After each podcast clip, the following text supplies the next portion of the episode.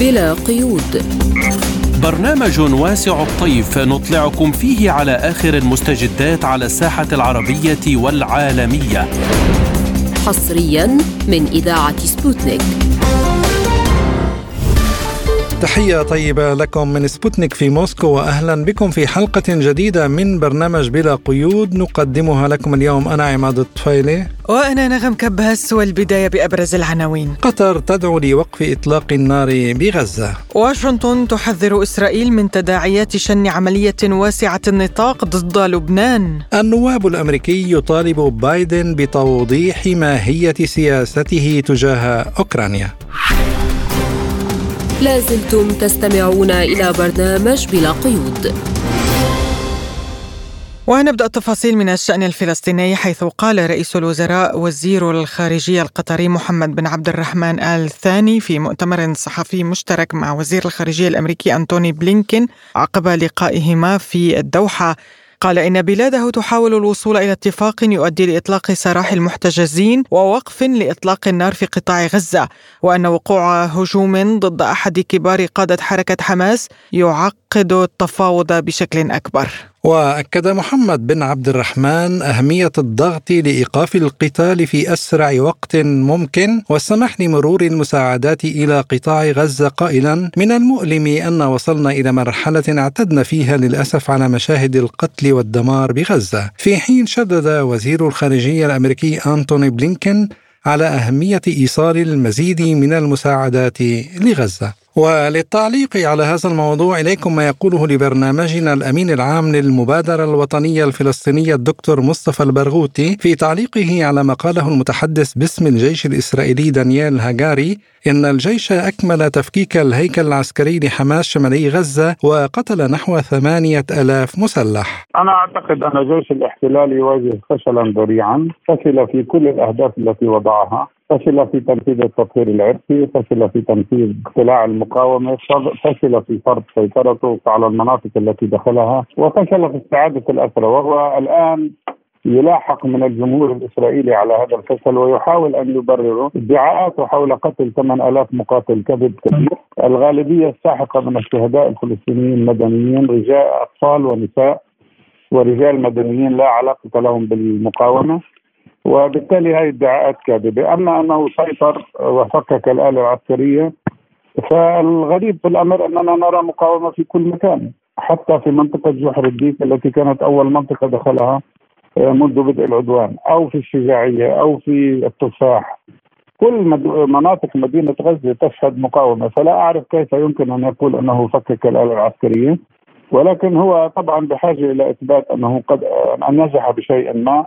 ولذلك يروج هذه الأكاذيب يعني تذكرنا هذه الأكاذيب بما كان في السابق يحدث عندما كان للأسف البعض يدعي بإنجازات لم تتحقق. وحول تصريح قطر من أن مقتل عضو المكتب السياسي لحركة حماس يعقد عملية إطلاق سراح الرهائن يقول البرغوثي نتنياهو وحكومته وجالانت آه، وزير جيشه و كل المسؤولين الإسرائيليين يعرفون أنه سيحاسب على الفشل الكبير في 7 أكتوبر، لذلك هم يريدوا إطالة أمد هذه الحرب باي وسيلة ولا يعبأوا بحياة الأسرى الإسرائيليين، وكل يوم يقتل أسرى إسرائيليين جدد، هم يعرفون أن قصفهم سيؤدي إلى ذلك.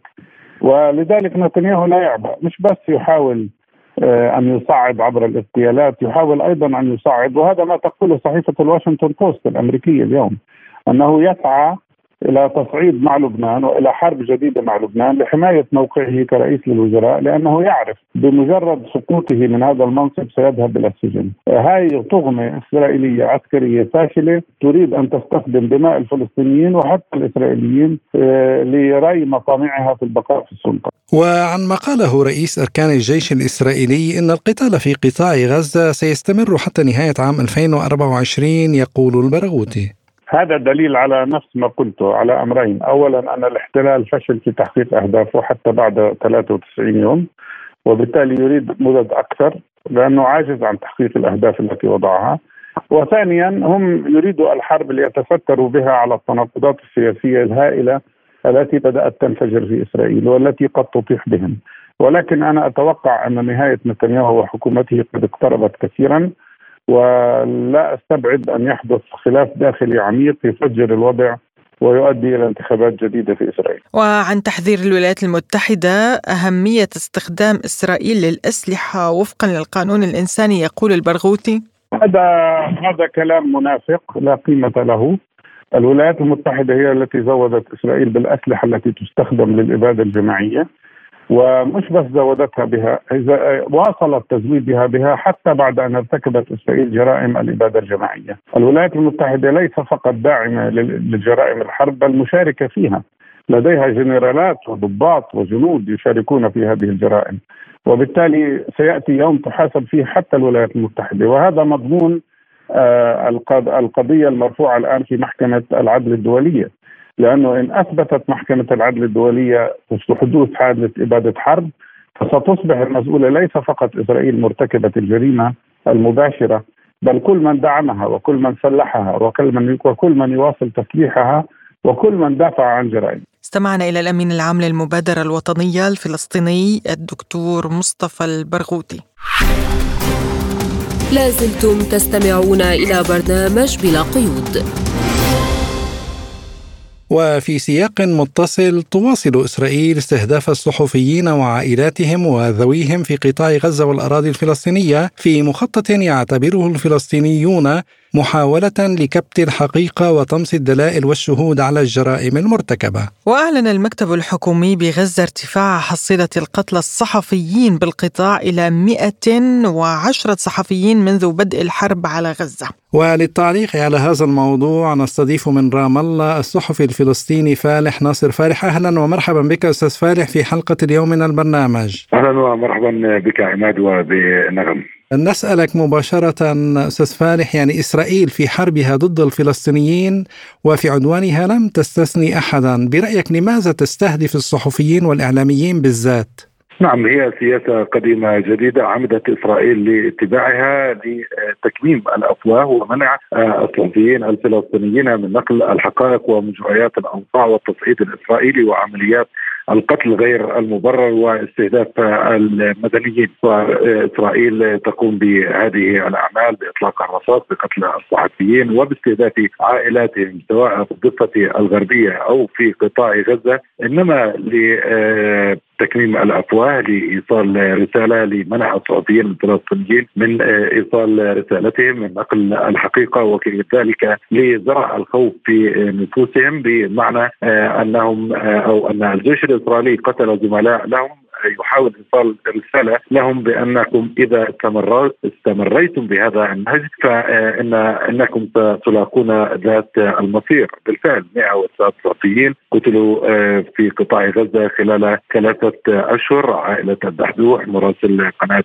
الجزيرة ونجله أيضا الذي كان يعمل في قناة الجزيرة الذي قتل أمس. هي رسالة كانت ربما موجهة للدحدوح على وجه الخصوص في ظل التغطيات المستمرة التي كان يقوم بها على مدار الساعة مثلما أيضا استهدفت القوات الإسرائيلية عائلات صحفيين آخرين يعملون في قطاع غزة وإن كانت لا تستهدفهم بشكل مباشر فإنها عمدت لاستهداف عائلاتهم وهذا الحال انسحب على آه، معظم الصحفيين في قطاع غزة الذين لاقوا حتفهم أو آه، فقدوا عائلاتهم جراء هذه السياسة الإسرائيلية. نعم تعازينا آه، بالطبع لذويهم ولجميع من يتألم ونحن أيضا نتألم لما نشاهده في غزة بشكل عام وما يحدث للصحفيين بما أنه نحن زملاء مهنة.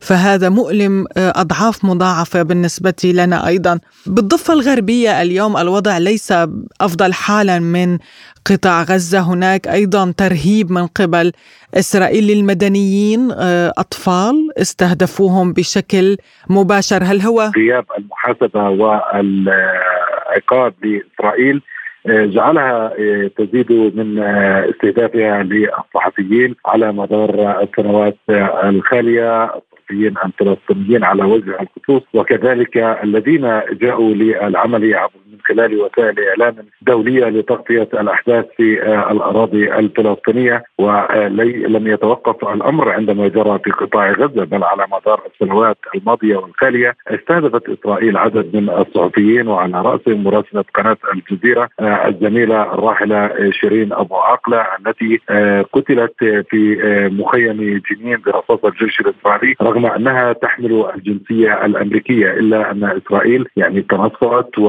وربما أمنت العقاب والمحاسبة وأفلتت من ذلك مرارا وتكرارا. ذلك ما يجعلها تمعن في قتل الصحفيين وتستهدفهم بطريقة مباشرة. وبما لا يدع مجالا للشك فإن الهدف الحقيقي من خلف ذلك هو اتباع سياسة تكميم الافواه بالتوازي مع أيضا إغلاق عدد من المؤسسات الإعلامية العاملة في الضفة الغربية ومنعها من البث تحت حجج وذرائع واهيه من بينها أن هذه الوسائل تقوم ببث رسائل تحريضية، لكن المؤكد أن القضايا التي رفعت على إسرائيل في المحاكم الدولية وأيضا ما تقوم به نقابة الصحفيين الفلسطينيين ونقابة الصحفيين الدوليين حتى هذه اللحظة لم تعد أي حق من الحقوق.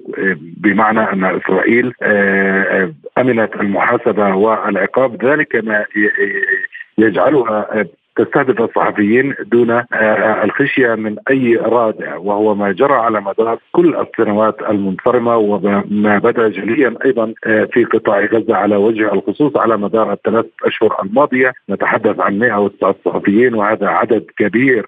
بالنسبة لمن قتلتهم إسرائيل على مدار السنوات الخاليه ومن قتلوا من الصحفيين خلال تغطيتهم للحروب في اقطاع الأرض. طيب فالح كيف هو الوضع في الضفة الغربية يعني على خلفية أيضا الأنباء التي آه، ترد من هناك عن عمليات القتل والاعتقال بحق الفلسطينيين تبدو آه، جبهة الضفة الغربية وإن كانت هادئة نسبيا مقارنة مع ما يجري في قطاع غزة فإن القوات الإسرائيلية وإن كانت تستخدم سياسة الأرض المحروقة في قطاع غزة فإنها تتبع سياسة القبضة الحديدية. أكثر من 330 شهيد آه، قتلوا برصاص القوات الإسرائيلية على مدار ثلاث أشهر وهذا عدد كبير منذ السابع من أكتوبر وهذا العدد أكبر ممن قتلتهم إسرائيل منذ بداية العام خلال حملات المداهمات والاعتقالات التي اضحت شبه يوميه اليوم نتحدث عن نحو 50 حالة اعتقال عدد حالات الاعتقال بلغت أكثر من 5800 منذ السابع من أكتوبر وهذا العدد يوازي عدد الأسرى المكدسين في السجون الإسرائيلية منذ سنوات. بمعنى أن إسرائيل تتبع هذه السياسة لردع الفلسطينيين. بينما تمعن أيضا في اتخاذ إجراءات ضدهم في السجون والمعتقلات الإسرائيلية تارة باتباع سياسة العزل الانفرادي ومنع الزيارات للمحامين والصليب الأحمر الدولي وكذلك منع دخول آه، آه، الملابس الشتوية تقليل وجبات الطعام اتباع سياسة الإهمال الطبي وهو ما يزيد من القلق الذي يساور عائلات هؤلاء آه، الأسرى بالتوازي مع المداهمات اليومية التنكيل ب كان اقتحام المنازل إجراء تحقيقات ميدانية عدم تردد الجنود في الضغط على الزناد. بالأمس قتل 11 فلسطينيا من المدنيين تحت حجج وذرائع أمنية إسرائيلية واهية وحملات التصعيد شبه يومية عمدت إسرائيل منذ السابع من أكتوبر لتركيب ونصب 259 بوابة حديدية في مناطق الضفة الغربية حول المدن والقرى. بمعنى أن السكان تحولوا إلى سجناء في سجن كبير فضلا عن تقطيع أوصال الضفه الغربية جراء الحوائج العسكرية وارتفاع مهن الاستيطان حيث أفادت تقارير أممية بأن هناك طفرة استيطانية منذ السابع من أكتوبر تمخض عنها بناء عشر وحدات استيطانية جديدة وشق 18 شارع استيطاني في أراضي تابعة للفلسطينيين علاوة على أيضا السيطرة على المزيد من الأراضي منع الفلسطينيين من الوصول إلى الحقول الزراعية عمليات نعم. التجريف وكل ذلك يجري في ظل تبادل الأدوار ما بين قوات الجيش الإسرائيلي ومجموعات المستوطنين التي صعدت أيضا من عدوانها حيث قتل عدد من الفلسطينيين منذ السابع من أكتوبر برصاص مجموعات المستوطنين التي آه، توفر لها القوات الإسرائيلية الحماية نعم أستاذ فالح يعني الأوقات. كل هذه الممارسات التي ذكرتها حضرتك العالم كان آه، يرى إسرائيل بأنها مهد للديمقراطية والحرية ولكن اليوم بعد كل هذه الممارسات أمام مرأى أعين الجميع ما تداعيات ذلك على إسرائيل التي ستقف لأول مرة أمام المحكمة الجنائية الدولية؟ نعم إسرائيل روجت لنفسها على مدار السنوات الخالية بأنها واحة للديمقراطية ودولة تعددية وفيها من الحرية وفيها من الديمقراطية وتحاول الظهور وبأنها الضحية دائما لكنها الآن تعيش في عزلة دولية آه،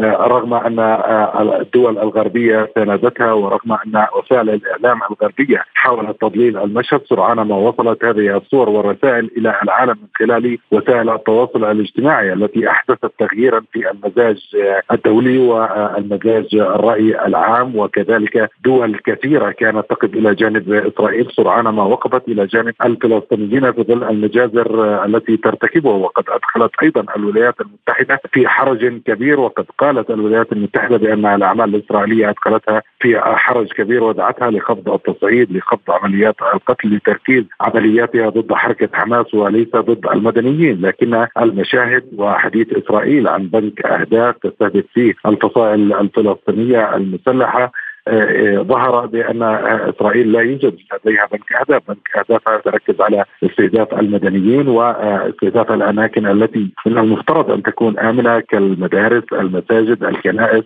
وكذلك مراكز الإيواء والمقرات التابعة للأمم المتحدة، وذهاب إسرائيل ووقوفها أمام محكمة العدل الدولية إنما سيعريها وسيظهر بأنها دولة مارقة ودولة تتجاوز القانون والشرع الدولية لكن إسرائيل آه، اعتادت مرارا وتكرارا على آه، هروبها من آه، المحاسبة والمساءلة. لذلك أمعنت في هذه الجرائم فضلا عن أن الولايات المتحدة الأمريكية كانت دائما توفر لها الدعم واعتبرتها بمثابة الحديقة الخلفية لواشنطن. وبدأ ذلك أيضا واضحا من خلال استخدام الولايات المتحدة الأمريكية حق النقص الفيتو مرارا وتكرارا في مجلس الأمن الدولي لصالح صالح المشاريع التي قدمت من روسيا ومن عدد من الدول التي تدعو لوقف الحرب والعدوان على قطاع غزة لكن الولايات المتحدة أفشلتها فيما قالت القيادة الفلسطينية والرئاسة بأن الولايات المتحدة هي شريكة في هذه الجرائم والمجازر لطالما زودت إسرائيل بالسلاح وزودتها بالدعم الدبلوماسي والمالي والعسكري وكذلك سندتها في المنظمات والمؤسسات الأممية. لكن آآ آه، آآ آه، آه، الملف الذي سيقدم لمحكمة العدل الدولية وإعلان إسرائيل بأنها ستشارك وتدافع عن نفسها إنما أعتقد بأن إسرائيل ستضع نفسها في موضع حرج أمام المواقف الدولية والعالمية المؤيدة للقضية الفلسطينية والرافضة للجرائم الإسرائيلية سواء في قطاع غزة وكذلك في الضفة الغربية وبمدينة القدس ورغم أن المجتمع الدولي يجدد في كل يوم دعوته لضرورة آه، أن يكون آه، أو أن تتخذ إسرائيل الحلول السياسية بدلا من الحلول العسكرية لتحقيق حل الدولتين الذي يبدو ضربا من الخيال في ظل استمرار الاستيطان وحالة التصعيد الإسرائيلية وإعلان ذلك بشكل آه، أو مجاهرة القادة الإسرائيليين بذلك بشكل علني. الصحفي الفلسطيني فالح فالح ناصر. فالح كنت معنا من رام الله. شكرا جزيلا لك أستاذ فالح على هذه المداخلة القيمة. شكرا جزيلا لكم. لازلتم تستمعون إلى برنامج بلا قيود. ونبقى أيضا في الشأن الفلسطيني إذ كشفت صحيفة أمريكية في تقرير أن إسرائيل ستواجه صعوبة في أن تكون لها اليد العليا في صراع الشرق الأوسط إذا شنت عملية واسعة النطاق ضد لبنان. ونقلت الصحيفة عن مصادر استخباراتية أمريكية أن ممثلي إدارة الرئيس الأمريكي جو بايدن حذروا في محادثات شخصية السلطات الإسرائيلية في أكثر من مناسبة من التصعيد على الحدود مع لبنان. وبحسب الصحيفة واستنادا إلى بيانات من وكالة الاستخبارات في وزارة الدفاع الأمريكية فإنه سيكون من الصعب على الجيش الإسرائيلي أن يحقق انتصارا لأنه سيتعين عليه توزيع الموارد العسكرية على عدة جبهات مع أخذ بعين الاعتبار الوضع في قطاع غزة بل وإشراك سلاح الجو الذي هو بالتالي مرهق. وللتعليق على هذا الموضوع إليكم ما يقوله لبرنامجنا الخبير العسكري العميد الدكتور أمين حطيت. اولا ينبغي أن نؤكد أن إسرائيل في مواجهة المقاومة الفلسطينية في غزة فشلت في الحرب التي قادتها على مرحلتين. وهذا الفشل هو فشل من نوع استراتيجي مركب. والسؤال الذي يطرح إذا كانت فشلت في آه، إسرائيل أمام المقاومة في غزة فكيف سيكون حالها أمام المقاومة في لبنان؟ والذي والتي تعرف إسرائيل أن هذه المقاومة اللبنانية تملك من القدرات أضعاف مضاعفة عما تملكه المقاومه في غزة.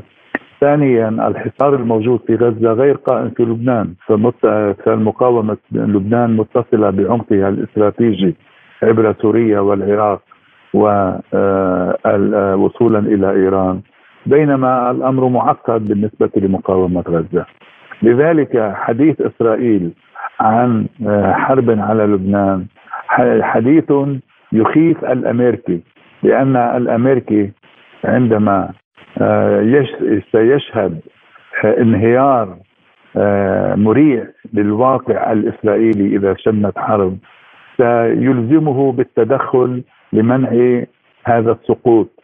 وأمريكا ليست بصدد الدخول في جبهة حرب في الشرق الأوسط حاضرا ولذلك أمريكا عندما تقول أو تنصح أو حتى تأمر إسرائيل بتجنب الحرب مع لبنان فإنها تهدف إلى ابعاد الكأس المرة عنها هي لانها هي لا تريد أن تدخل في حرب آه، خاصة أن هذا الحرب ستكون من الجيل الرابع الذي ثبت عجز الجيش الأمريكي عن ربح أي ميدان من ميادينها. فكل الميادين التي دخلتها أمريكا في حرب الجيل الرابع خرجت مهزومة مكسوره مريضه الجناح منها. واليوم هزيمة في لبنان وفي وتاليا في الشرق الأوسط آه، أمام المقاومات ومحور المقاومة. ستخرج أمريكا من الشرق الأوسط وليس فقط إسرائيل. وعن إمكانية توجيه إسرائيل ضربه وقائية لحزب الله لبناني قال حطيت اولا من الناحية العسكرية الجيش الذي آه، يهدد به نتنياهو هو جيش جريح جيش مثقل بالجروح التي لا تمكنه من الدخول في حرب سريعة يكفي أن نتذكر أن هناك 3000 حالة معالجة مرض نفسي في إسرائيل آه، من جراء هذا الحرب والإصابات ثم الضربات التي آه، سجلت على الحدود مع لبنان كلها اربكت إسرائيل حتى الذهول. لذلك أنا أعتقد أن نتنياهو الذي يكابر ويحاول أن يقفز هذا الواقع يقوم بهذا السلوك لأنه يرى أن موقعه في مكان من اثنين إما الميدان لمتابعة الحرب وإما السجن لتمضية ما بقي من عمره فيه. أما آه، لذلك بين هذين المكانين فإنه يختار الميدان آه، الذي يعول عليه باستدراج أمريكا وتوريطها في هذه الحرب. أما من الناحية العسكرية فالمستوى العسكري في إسرائيل يعرف أن حربا مع لبنان لن تكون في مصلحته في الظروف القائمة. وفيما يخص مخاوف الولايات المتحدة وسعيها لثني إسرائيل من حرب شاملة مع لبنان يقول حطيط أمريكا تعلم أن حرب في لبنان ستنفجر حربا في كل الشرق الأوسط.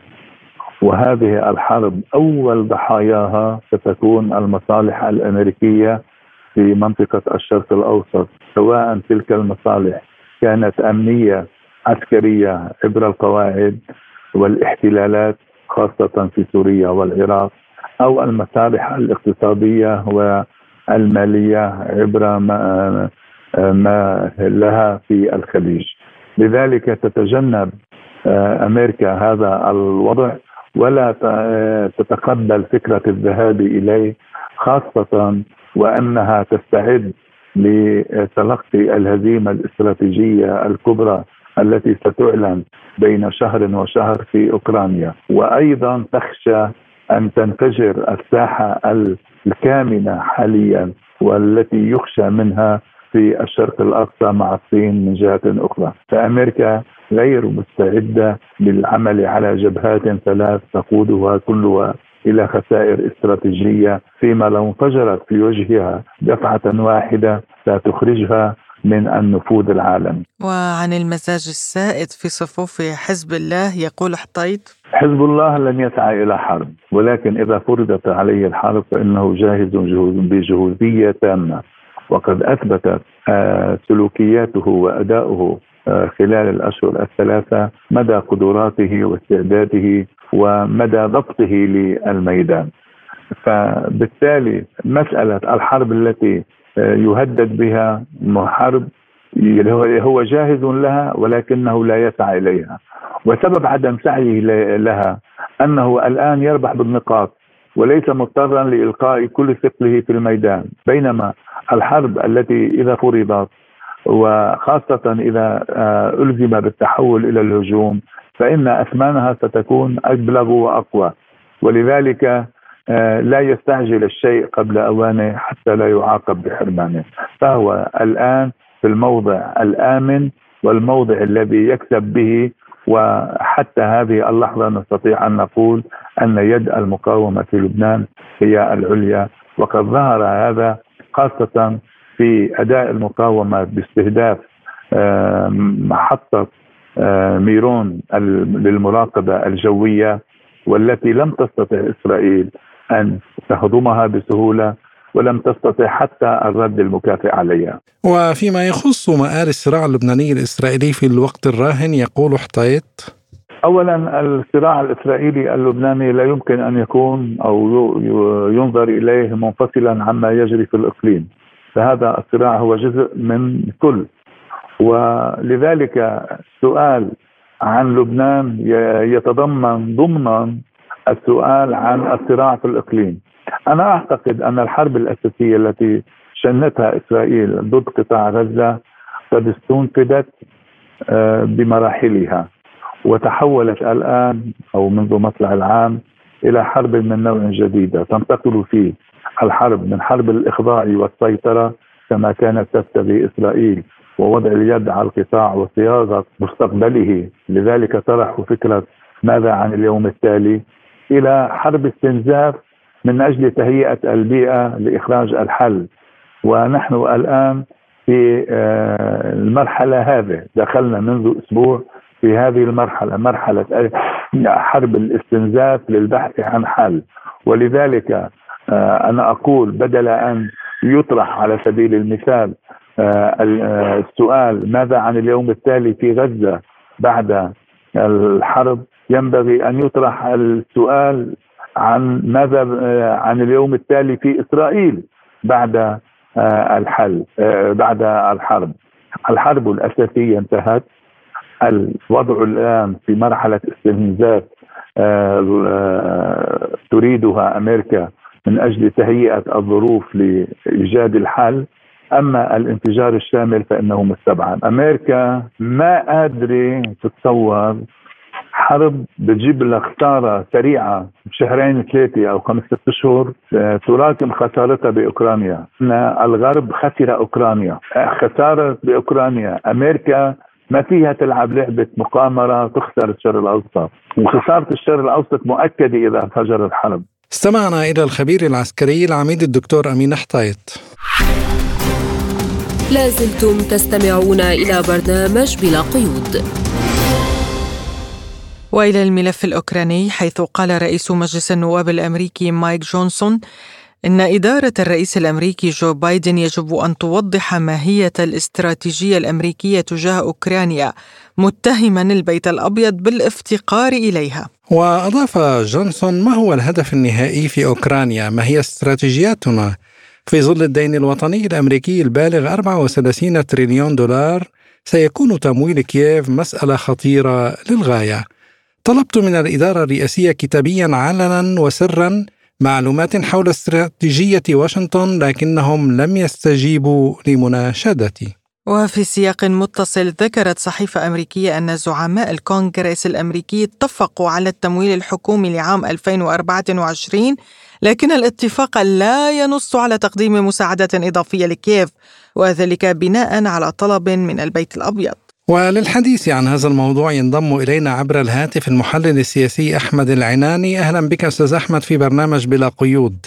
مجلس النواب الأمريكي يتهم البيت الأبيض بعدم وجود استراتيجية بشأن أوكرانيا، هل يعني هذا أن دوائر أمريكية رفيعة بدأت تشك في مدى ملائمة وفعالية سياسة بايدن تجاه أوكرانيا؟ يعني هناك خلاف في الأمر ما بين المشرعين داخل الكونجرس الأمريكي بشقيه سواء النواب والشيوخ لأنه يعني بعض المشرعين خاصة اللي بينتموا للحزب الجمهوري بيرون إنه هناك دعم مطلق وهناك تحميل على الميزانية من خلال دفع الضرائب وإنه كل هذه الميزانية بتذهب سدى وإنه الجنيه الخارجي قد وصل إلى 34 آه، تريليون دولار وهذا يعني بيضيف أعباء على الولايات المتحدة الأمريكية خاصة الولايات المتحدة الأمريكية. هناك أصوات كبيرة تنادي بالاتجاه نحو الجنوب ويعني حفظ الأمن من خلال إصدار المكسيك وخلال الحقيقة أمريكا اللاتينيه أيضا آه، البعض يرى أنه لابد أن يكون هناك تعزيز ل يعني وزارة الدفاع الأمريكية البنتاجون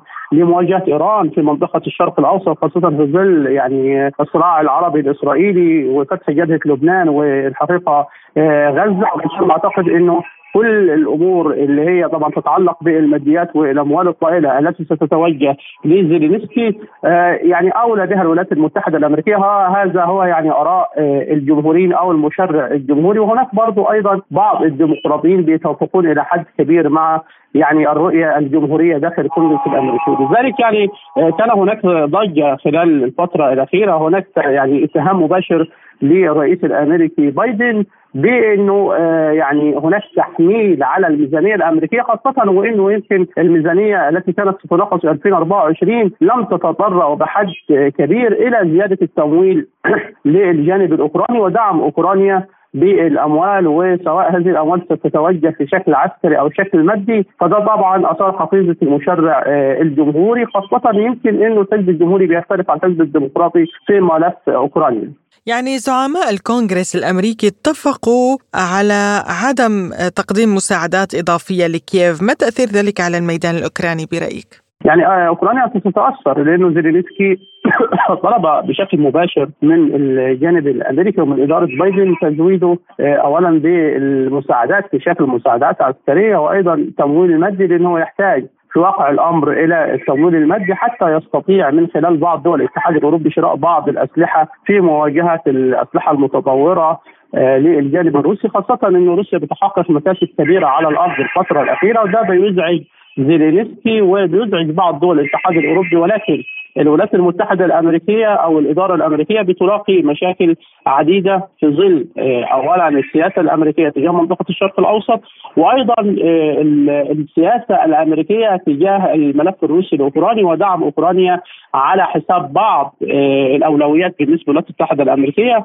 وده اللي بيضعف إدارة بايدن وبيجعل إدارة بايدن مكبله إلى حد ما فيما يخص التوجيهات العسكرية والتوجيهات المادية إلى الجانب الأوكراني. وسائل إعلام بريطانية أفادت أن الساسة الأمريكيون يدركون أنه من أجل السلام لابد من تقسيم أوكرانيا يعني عن أي سيناريو يتم الحديث برأيك وما مصلحة الغرب من تقسيم أوكرانيا؟ الحقيقة الغرب وصل إلى مرحلة اليأس بمعنى أنه دعم زيلينسكي آه، بحد إلى حد كبير وهناك مساعدات كبيرة جدا في الفترة الأخيرة من دول الاتحاد الأوروبي هناك من يرى أن هذا الأمر سيمثل يعني يمثل مشاكل كبيرة بالنسبة لدول الاتحاد الأوروبي نفسه وأن هذا استنزاف لخزائن دول الاتحاد الأوروبي والولايات المتحدة الأمريكية وغيرها. فبعض الدول بترى أنه لابد يعني آه، أن يتم المفاوضات على الأراضي التي استعادها بوتين. بمعنى أن الجانب الروسي حقق آه، آه، يعني إنجازات على الأرض وهو سيطر على بعض المناطق هو يرى أنها مناطق استراتيجية ومناطق في واقع الأمر. يعني آه، إن تركها ستؤثر وبشكل كبير على الأمن القومي الروسي وهذه المناطق هي مناطق الحقيقة تمثل يعني عمق استراتيجي بالنسبة للجانب الروسي. لذلك بترى بعض الدول إنه لابد من الآن الجلوس على طاولة مفاوضات وإن طالما أوكرانيا بعض المناطق يعني لم تحتل ولم يحدث اجتياح لها. وأعتقد إنه حان آه، الوقت للجلوس على طاولة المفاوضات وتقسيم أوكرانيا آه، في واقع الأمر على أساس إنه يتم آه، إعطاء الجانب الروسي ما توصل إليه من خلال تحقيق إنجازات عسكرية على الأرض ومن ثم يعني ينظر الجانب الأوروبي إلى عملية التفاوض مع الجانب الروسي لأنه هناك تخوف كبير من روسيا حقيقة لأنه لو روسيا يعني سيطرت على مناطق استراتيجية ربما يعني تواجه حلف شمال الأطلسي تواجه الدول الغربية بشكل كبير. لذلك الجانب الأوروبي بيرى أن هناك مكسب مكسبان، المكسب الأول هو الحد من النفوذ الروسي وإقامة علاقة مع الجانب الروسي رغم أن هناك حرب باردة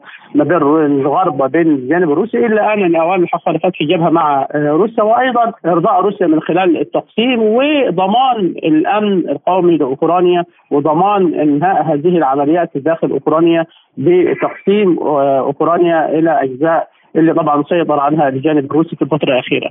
يعني رئيس وزراء الخارجية السويدية وصف دعم أوكرانيا بالمهمة الرئيسية بالنسبة لبلاده، ما سبب هذا الموقف السويدي برأيك؟ وهل الاقتصاد هناك يستطيع تلبية احتياجات القوات المسلحة الأوكرانية؟ يعني الحقيقة الحكومة تلاقي مشاكل كبيرة في هذا الأمر، لديها مشكلة كبيرة لأنه حتى الميزانية أيضا ستخصص إلى الجانب الأوكراني. وبترى الحقيقة الحكومة السعودية إنه مسألة أمن قومي بالنسبة لها هو ضمان قوة أوكرانيا. بمعنى أن لو أوكرانيا أصبحت تقاتل وأصبحت الحقيقة توجه ضربات ل يعني بوتين وللحكومة الروسية أعتقد أن ده هيكون ضمان بالنسبة للجانب السويدي. هي بترى ذلك بترى أن طالما كانت هناك أوكرانيا قوية وتسلح أوكرانيا ضد بوتين وضد الحكومة الروسية أعتقد ده بيدي ضمانة للجانب السويدي بعدم تهديد أمنه واستقراره. وده اللي بيجعل هناك يعني تحفز بشكل كبير من الحكومة السعوديه لدعم الجانب الأوكراني بالمال والسلاح مع إنه هناك خلاف كبير مع دول الاتحاد الأوروبي لأن دول الاتحاد الأوروبي كما يعني قلت لحضرتك قبل قليل بترى أنه لابد من وقف إطلاق النار ولابد أن يكون هناك نوع من أنواع المهادنة والجلوس على طاولة مفاوضات لانهاء هذه الأزمة لأنه يمكن الجانب الأوروبي يريد التغيير السياسيه الاستراتيجية من خلال التفاوض مع الجانب الروسي على أن تبقى روسيا يعني بعيدة كل البعد على تهديد الأمن القومي للدول الغربية. ثم أعتقد هذه نقطة الخلاف إنما السويد ربما وجهة نظرها مختلفة عن باقي دول الاتحاد الأوروبي هي بترى بتمويل زيلينسكي ويعني تمويله بالسلاح والمال أعتقد إنه سيكون بمثابة يعني ردع لأمنها القومي ويعني يعني هي ستدافع بشكل كبير على الأمن القومي السويدي وهي ترى في ذلك حماية لأمنها القومي. وسائل إعلام ذكرت أنه بدون دعم الدول الغربية ستضطر أوكرانيا إلى خفض إنفاق الميزانية أو البدء في طباعة النقود لسد العجز، هل يمكننا القول إن أوكرانيا ستواجه قريبا انهيارا اقتصاديا؟ يعني هو بكل تأكيد لو اتخذت الدول الغربية خطوات فيما يخص تقليص الدعم المالي والعسكري خاصة المالي للجانب الأوكراني ده هيكون ضربة للاقتصاد الأوكراني وهناك مساعي حثيثه من الدول الغربية والولايات المتحدة الأمريكية من الكونجرس بعدم التمويل بعدم إضافة أموال لخزائن زيلينسكي لأن هو بيعتبرها في واقع الأمر ليس لا يوجد أي استفادة بالنسبة للدول الغربية، أي استفادة يعني حصلت للدول الغربية هم بيحسبوها حسابيا إنه ما فيش استفاده ما زال الحقيقة الجانب الروسي يتقدم في بعض المناطق. يروا أن الروس يتقدمون يروا أن الكلمة العليا بالنسبة لل يعني المعارك على الأرض للجانب الروسي وهناك إهدار وبشكل كامل ل يعني المقومات المالية والخزائن الدول الأوروبية. لذلك ربما يكون هناك تخفيض. هذا التخفيض إذا حدث أعتقد إنه سينهار الاقتصاد الأوكراني خاصة أن أوكرانيا بتعتمد وبشكل كبير على الدعم الأمريكي على الدعم الغربي. لو كانت هناك خطوات ملموسة من قبل دول الاتحاد الأوروبي بتخفيض الموازنة أو عدم التمويل للجانب الأوكراني أعتقد إنه الاقتصاد الأوكراني سينهار خاصة إنه يعني مطلوب أموال ومطلوب شراء خاصة إنه الجانب الأوكراني الآن يحارب. ومن ثم هناك بعض الأمور الهامة التي تتعلق باقتصاد أوكراني في البنية التحتية وفي اعاده المناطق التي تم تدميرها وأيضا العمل على دفع المرتبات من ناحية أخرى كيفية التسليح وكيفية الحفاظ على الجيش الأوكراني حتى لو هو أنهى حرب ونزاعه مع روسيا لابد أن يحافظ على وجوده وبقائه وده يتطلب أموال يتطلب إعادة تسليح ويتطلب الحقيقة يعني تمويل من الدول الغربية والدول الأمريكية. المحلل السياسي أحمد العناني كنت معنا عبر الهاتف من القاهرة شكرا جزيلا لك على هذه المداخلة. لازلتم تستمعون إلى برنامج بلا قيود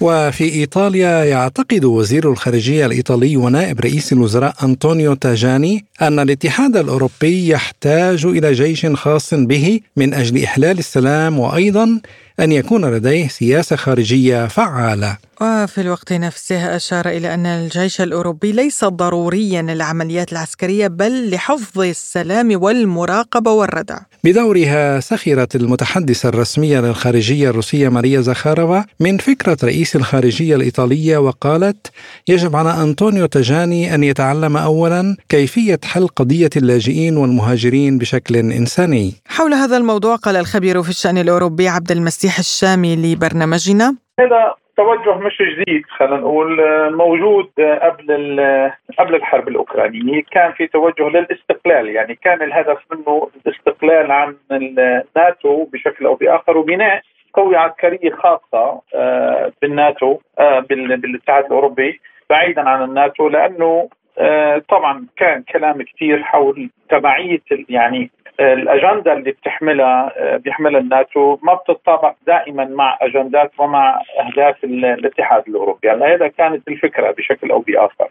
وكان في كلام كثير من مسؤولين يعني على مدى يمكن 10 12 سنة اللي مضت ولكن طبعا هلأ بيأخذ أبعاد أخرى بعد الحرب الأوكرانية. يعني طبعا في اتجاه للعسكرة أكثر يعني الاتحاد الأوروبي آه، بعد الحرب الأوكرانية أعتقد إنه شعر إنه هو آه، بشكل أو بآخر يعني غير محمي عسكريا. هو تحت المظلة الأمريكية وتحت الإملاءات والضغوطات الأمريكية ومضطر يمشي وفق السياسات الأمريكية لحتى يأمن آه، نفسه حتى يحمي نفسه كونه ما في عنده مظلة عسكرية خاصة ولذلك طبعا هلأ بشكل أو بآخر أنا ما بعتقد إنه الفكرة قائمة على العداء المطلق تجاه روسيا.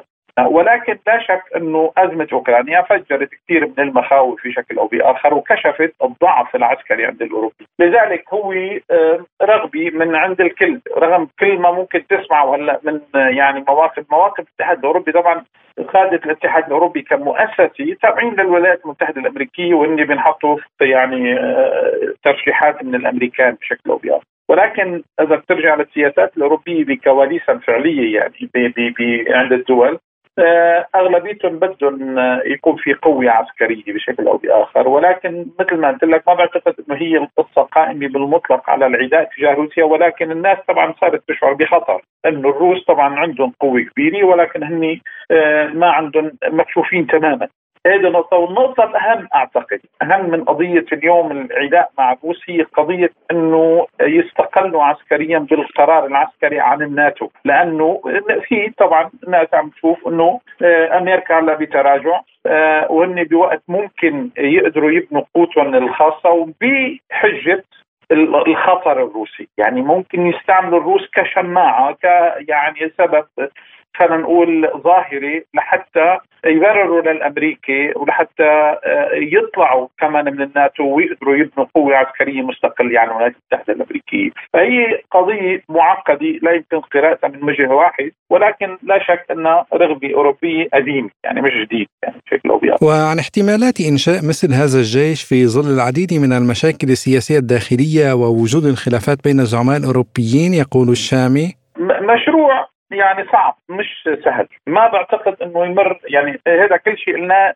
بيبقى حتى الآن في يعني في مجال الرغبات والطموحات إلى حد كبير ولكن قضية تحقيق هذا الحلم بعتقد إنه اليوم في صعوبة كثير كبيرة، أمريكا أول شيء عم تستعمل كل نفوذها وكل ال ال ال آه، آه، الأجهزة أو يعني عمليا وجودها داخل الاتحاد الأوروبي من خلال شبكات تابعة لها. وعلى راسهم يعني المسؤولين والحكام نفسهم في بعض الأحيان لحتى تمنع هذا هذا المشروع. فهذا تحدي كثير كبير إنه يقدروا يتخلصوا فعلا من السيطرة والهيمنة يعني يقدروا يمرروا القرار بدون ممانعة أمريكية. أعتقد هذا صعب كثير إضافة مثل ما تفضلت للخلافات الداخلية والسبب الثالث وهو الأهم ربما آه كمان القوة الاقتصادية. يعني اليوم أوروبا ما أنا بموقع قادرة بشكل حقيقي فعلا تقدر تبني قوة عسكرية. طبعا مش عاجزة ولكن هذا تحدي كمان كثير كبير. فعندك يعني البعد الأمريكي مشكلي عندك البعد الخلافات الداخلية نتيجة الهيمنة ونتيجة زرع أمريكا لشبكات تابعه لها سياسية بتدير اوروبا سبب والسبب الاقتصادي سبب ولذلك مش من الأمر السهل. يعني هذا موضوع أعتقد بده ياخذ وقت كثير وبيكون رح يمر بصعوبات إذا تحقق بشكل أو بآخر. وعن موقف روسيا الساخر من دعوة الوزير الإيطالي لتشكيل جيش أوروبي خاص يقول الشامي.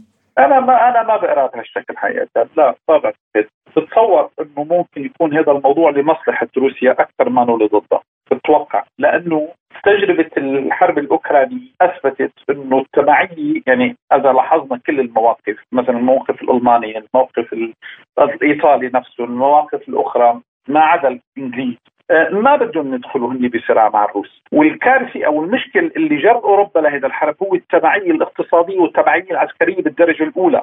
يعني تبعيه للناتو، الناتو هو كان عم هو كان وما زال عم يقود المعركة وهو صاحب القرار الوحيد وأمريكا هي صاحبة القرار الوحيد، ولذلك أنا برأيي يفترض إنه الروس يقروا من موقع آخر، يعني استقلالية أوروبا العسكرية وخصوصا في ظل التحولات في ظل عالم يعني خلينا نقول يعني متعدد الأقطار أثبتت في إنه يعني أهم عالمه إنه القوة الاقتصادية هي اللي بتقود القوة العسكرية.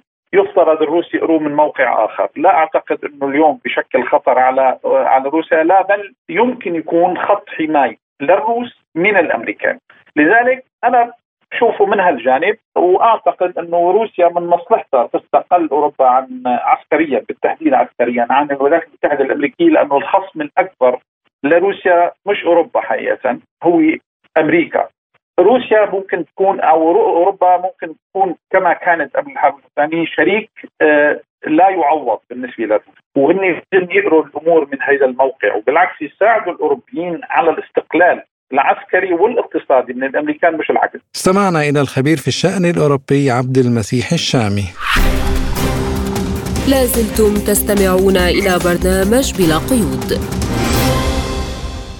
وفي ملفنا الاقتصادي قررت السعودية خفض أسعار النفط الخام للمشترين على جميع وجهات تصديره بما فيها سوقها الرئيسي في آسيا لشهر فبراير لتحفيز السوق. حيث خفضت أرامكو السعودية سعر خامها العربي الخفيف الرئيسي إلى آسيا بمقدار دولارين إلى دولار ونصف للبرميل كما خفضت جميع أسعار التسليم في شهر فبراير إلى شمال غرب أوروبا والبحر الأبيض المتوسط وأمريكا الشمالية. لمناقشة هذا الموضوع ينضم إلينا عبر الهاتف من الرياض أستاذ الاقتصاد في جامعة الملك فيصل الدكتور محمد دليم القحطاني. أهلا بك دكتور في سير سبوتنيك. ونبدأ من قرار السعودية آه، تخفيض أسعار النفط للمشترين في جميع الجهات ما هو السبب وراء هذا القرار من قبل الرياض برأيك؟ الكل يعلم أن اقتصاد اليوم يمر بحالة عدم اليقين أيضا بسبب الظروف الجيوسياسية ولكن والآن على الدول حقيقة أن تعمل على تنشيط اقتصاداتها في ظل هذا الركود اللي خيب على بعض الاقتصادات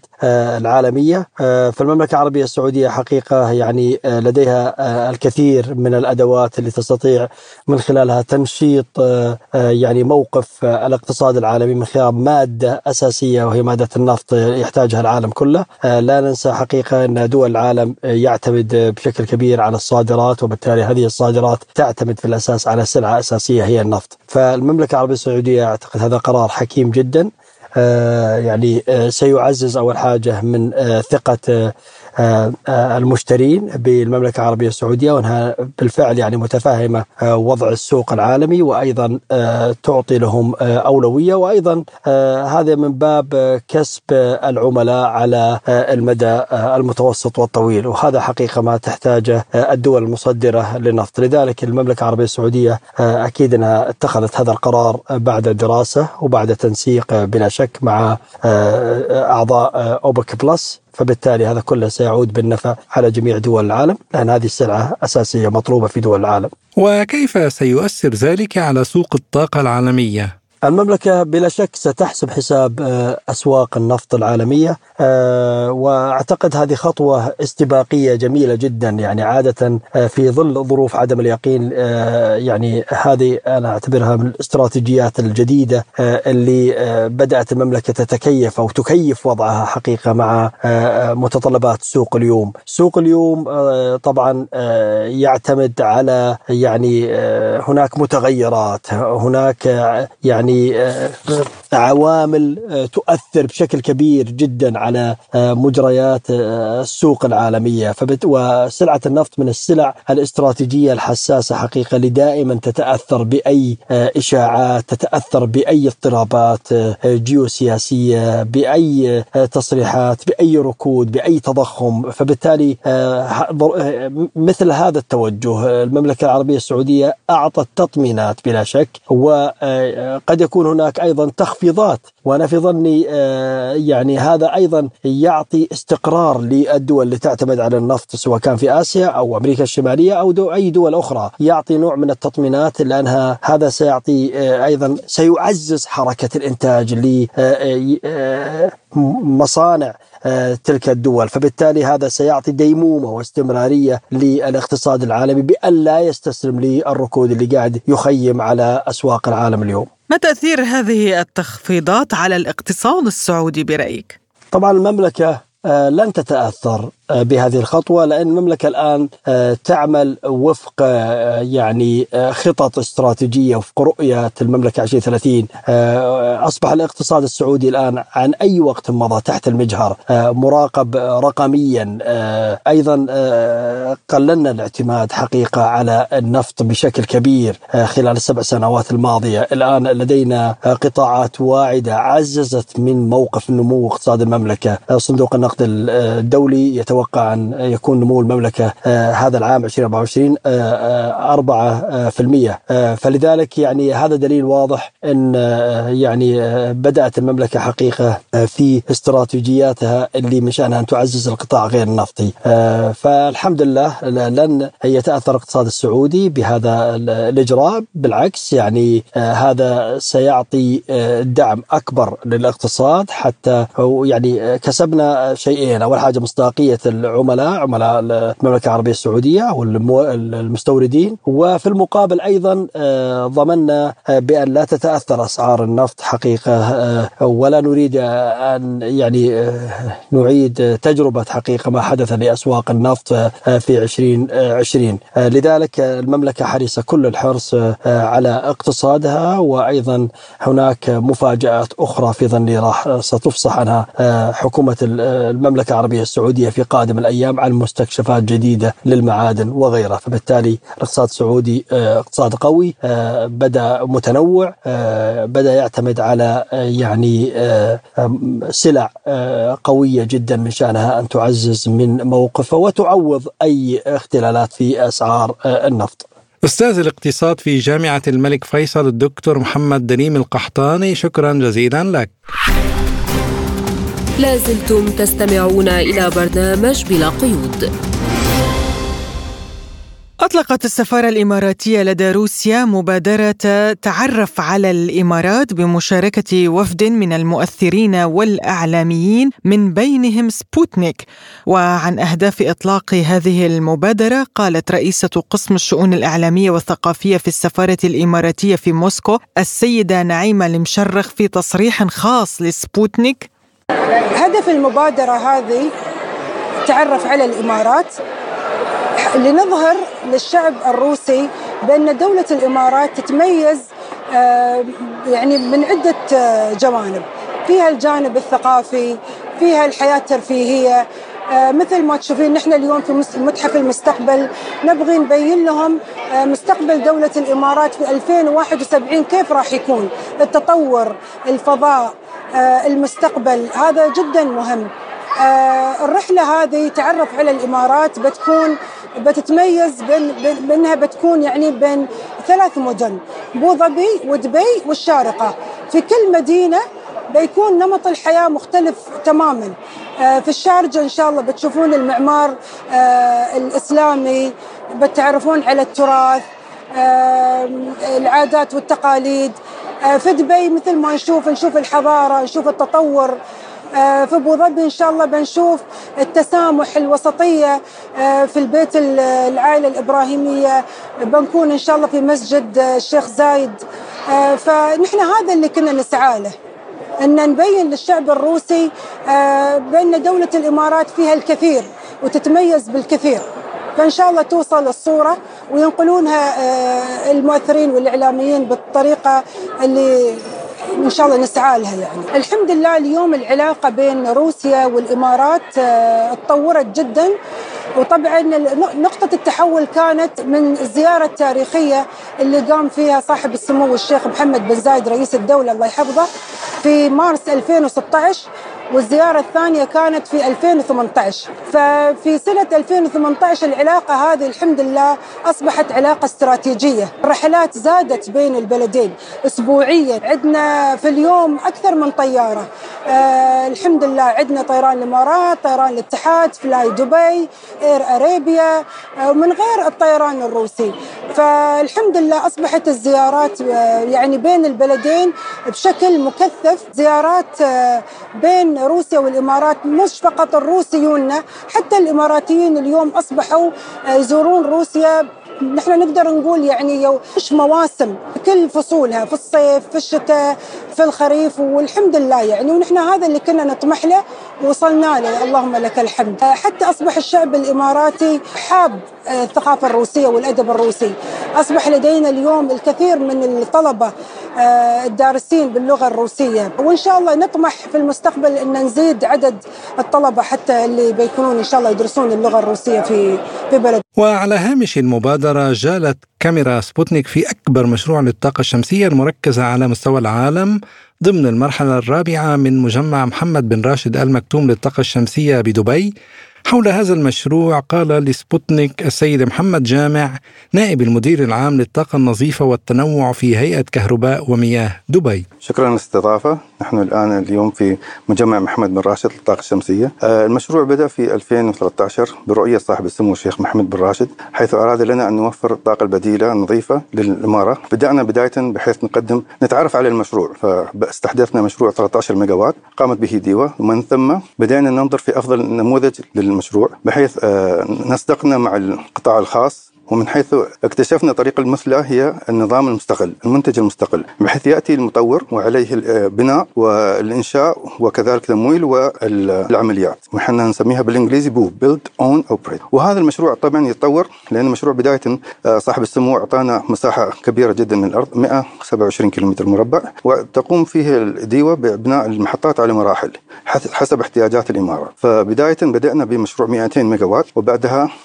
800 ميجا وات وعقبها 900 و 950 وحاليا المشروع الجديد ل 2026 يكون 1800 ميجا وات آه الهدف من هذه المشاريع أن نوفر ب 2030 خطتنا الاستراتيجية نوفر بحلول عام 2030 25% من الطاقة المنتجة للإمارة دبي من الطاقة النظيفة.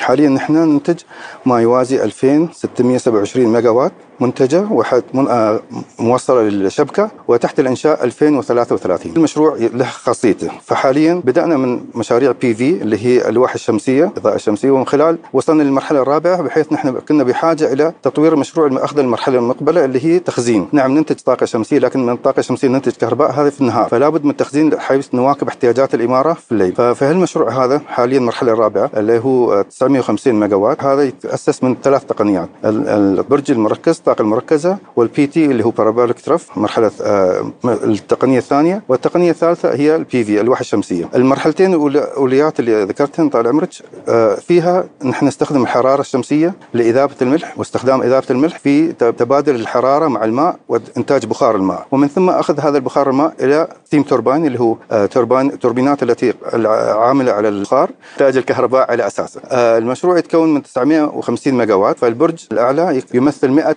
ميجا وات وهذا أعلى برج في العالم. نحن لدينا شهادة جنس عليها. ال 600 الأخرى 200 200 200 من كل مرحلة تسمى parabolic trough وأيضا يستخدم فيها حرارة الشمس لإذابة ال oil الزيت الحار. ومن ثم نحول نفس العملية لتسخين الماء جعله بخار ومن ثم استخدامها في turbine steam turbine المراحل المتقدمة بحيث الصيف هذا وقعنا مع صاحب السمو الشيخ محمد بن راشد وإمارة أبو ظبي. المرحله القادمة المرحلة السادسة بتكون 1800 ميجا وات وهذه بتكون PV وعليه نحن هذه المراحل حاليا المساحة حسب المشروع نحن حاليا من 25% نحن واقفين على 16.3 16 و3 من 10 من السعه الإنتاجية لإمارة دبي من الطاقه الشمسيه نهاية هذه الحلقة من بلا قيود. كنا معكم فيها نغم كباس. وأنا عماد طفيلي. شكرا لإصغائكم وإلى اللقاء. بأمان الله.